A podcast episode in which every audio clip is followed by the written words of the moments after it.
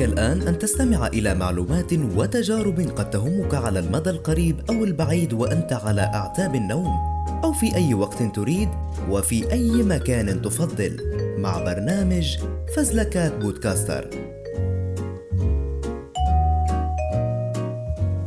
لا تنسى الاشتراك في قناتنا على كل من SoundCloud ويوتيوب لتصلك الحلقات أولا بأول.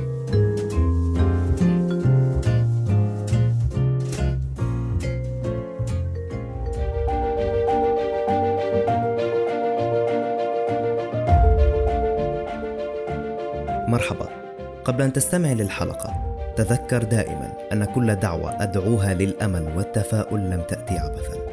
ولا لأن بعض كتاب التنمية البشرية يقولون لنا لكي نكون سعداء علينا أن ننظر للنصف المليء من الكوب. لا أنا لست مثلهم بل أحيانا أخالفهم الرأي وأقول بأن حياتنا لن تكتمل إلا حين ننظر للكوب نظرة موضوعية صريحة وحقيقية ولا نكذب على ذواتنا. ونرى ما هو فارغ وما هو مليء وسنعرف السبب في هذه الحلقة.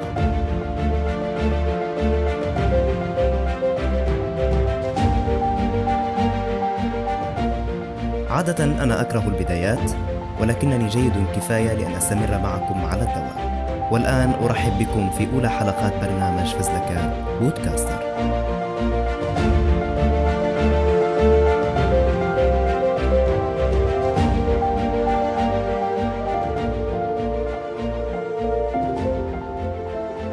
لو سألتك سؤالا مفاجئا وقلت لك أكمل العبارة التالية العبارة تقول قبل أن أموت أريد أن ماذا تريد قبل أن تموت؟ إذا عرفت أنك على حافة الموت ما هو الشيء الذي تريد أن تحققه قبل الموت؟ هل تستطيع أن تكمل هذه العبارة بكل ما يحتويه قلبك؟ إذا كانت لديك الجرأة في قول ما تريده في هذه الحياة أخبرني في التعليقات. والآن دعنا نكمل من حيث انتهينا.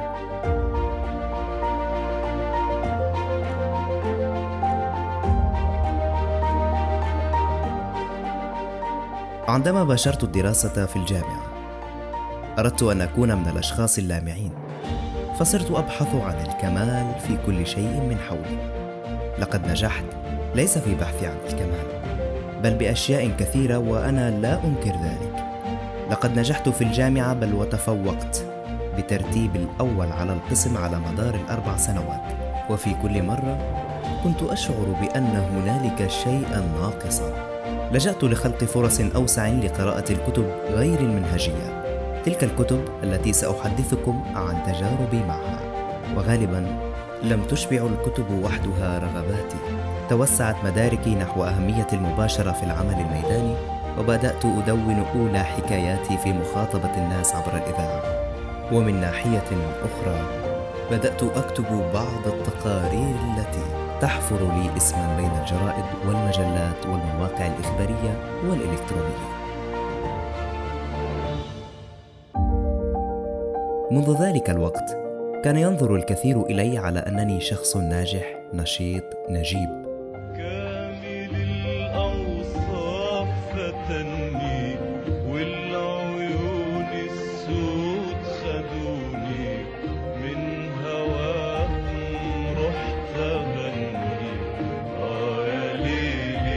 على الرغم من أن قناعاتي وقتها كانت تختلف مع قناعاتهم بشكل كبير فأنا لم أكن آخذ كلماتهم على محمل الجد والسبب ليس ضعفا بالثقة بل لأنني كنت أبحث عن شيء لا يمكن أن يوجد لا يمكن أن يسد ثغرة من ثغرات البشرية ألا وهو الكمال أو بعبارة أخرى البحث عن المثالية. بصراحة كان بحثي عن هذا الأمر هو المسبب الأكثر لكل المتاعب التي مررت بها وأحد الأسباب التي أوقفت كل أفكاري الصغيرة التي كان يمكن لها أن تكبر.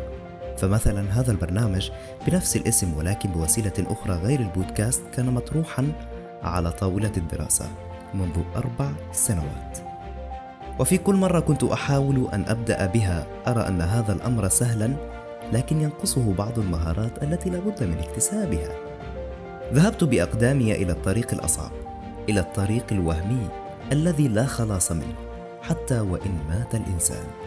أصبحت شخصا يرهق نفسه بتعلم كل شيء يخص الرسالة التي ستظهر للجمهور. فالمونتاج الاحترافي مثلا يجب أن يكون سمه من سمات البرنامج والمونتاج الاحترافي يحتاج إلى وقت كبير لكي تصل إلى مثل هذه المرحلة ويحتاج أيضا إلى الأموال اللازمة للأدوات. فقمت بتأجيل البرنامج للمرة الأولى. وبعد فترة رأيت أن التصميم والتصوير شيئان لا بد من توافرهما للبدء بالبرنامج. ومع كل مرة أكتشف ثغرة وهكذا أحاول القضاء عليها.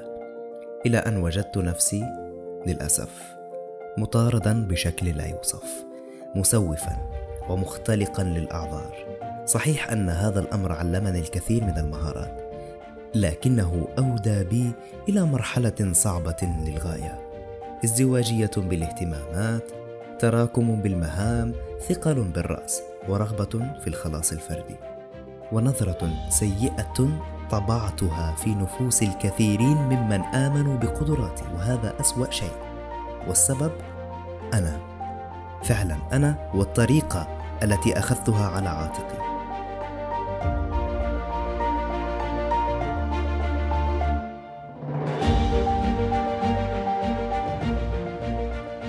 وبقيت حائرا هائما أفوت بحالات صعبة ونوبات اكتئاب متجددة. حتى وقعت في مجموعة من الكتب التي ستعيد العقل في محله الصحيح وخصوصا القرآن الكريم. وهذه الكتب تقضي على ظاهرة وهمية تخلق الأعذار وتكثر من الانتقاد للآخرين دون مبرر. وتجعلني أكثر تقبلا لما أنا عليه الآن والآخرين من حولي. تخيل أنك واحد من الذين عاشوا هذه المشاعر. في كل دقيقة يجتاح الصداع النصفي عقلك وفي كل ثانية ستكون بحال جديد بفكرة سيحكم عليها بالإعدام من تلقاء نفسك. ماذا سيكون شعورك؟ تخيل أن الصداع اشتد عليك ورماك نحو الموت وأنت لم تقدم الرسالة التي خلقك الله من أجلها. أو أقول لك أنك لم تنفذ مهمة قضيت سنوات من أجلها. حقيقة ستصاب باكتئاب لا مخرج منه سوى الانتحار. لكن ما حدث معي أن لطف الله كان يحيطني بكل شيء. ووقتها فقط آمنت بالله وبأن الله لا يكلف نفسا إلا وسعها.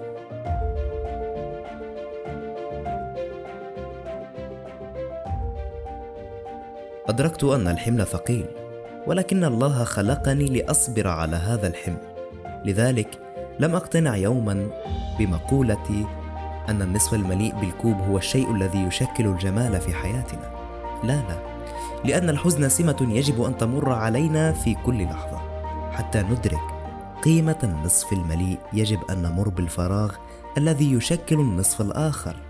وحين يعصف بنا الحزن أثناء المرور فقط الشيء الوحيد الذي سنقدمه لهذا الضيف الثقيل على أنفسنا هو التحدي مع أنفسنا بأن نجعله خفيفا بقوة إيمان حقيقية ومدركة بأن الله معنا دوما لطالما ما زلنا نأخذ بالأسباب التي أوكلها لنا. وركز على ما قلته أخيرا لطالما ما زلنا نأخذ بالأسباب التي أوكلها الله لنا.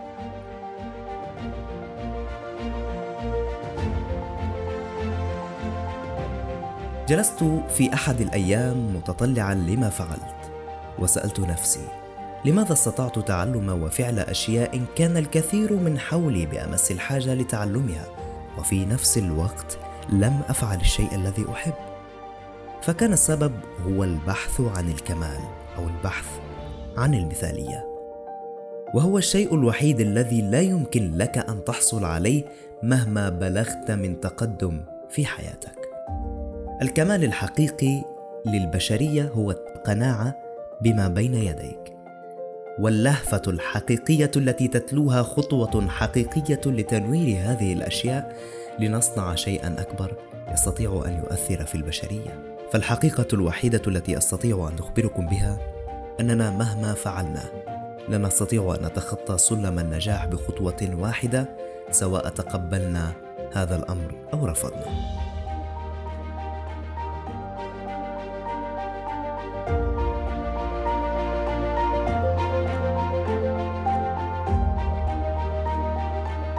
والآن دعني أسألك كم من فكرة عظيمة دارت برأسك وأردت أن تشاركها للآخرين لأنك لم تشعر بأنها كافية للظهور كم من صورة جماعية امتنعت عن الحضور بها لأنك لم تكن أنيقا بما يكفي. كم من لحظة جميلة لم تفرح بها لأنك لم تشعر بأنك تستحقها. هذه التساؤلات الإجابة الوحيدة عليها هو ذات السبب الذي يقتل الكثير من أفكارنا وهو البحث عن الكمال في كل شيء. ولأكون صريحا الخوف من التنمر والآراء السلبية هو سبب آخر لتأجيل وتأخير عملية التقدم الشخصية وما أكثر المتنمرين في مجتمعنا. فإن كنت تعتقد أن محاولات البحث عن الكمال ستقلل عدد المتنمرين والمنتقدين السلبيين لهذا فهذا أمر مؤسف لأنك ستصدم بواقع أسود وهذا ما أدركته مؤخرا. وأنا على قناعة تامة بأن هنالك أشخاص يتابعون الحلقة ليتربصوا على خطأ ما. فهل تعتقد أنني سأتوقف هذه المرة خوفا من التنمر؟ لا بل العكس. سابقا كان الكثير من أصدقائي حين أتحدث بمعلومة علمية في إحدى الدوائر يلتفتون إلي باستهزاء ويقولون شوفوا هذا الفزلوك هاد جاي يتفلسف علينا. ولهذا السبب أردت تسمية هذا البودكاست بأكثر اللحظات تنمرا علي لأحاول دائما أن أحول الانتقاد لسبب للاستمرار. وهذا ما يجب عليك أنت فعله لأنك ببساطة مهما فعلت ستجد البشر ينقسمون حولك إلى قسمين. الأول يحتفي والآخر يتربص للأخطاء. وإن أخذت الآخر على محمل الجد فلن تتقدم بخطوة واحدة.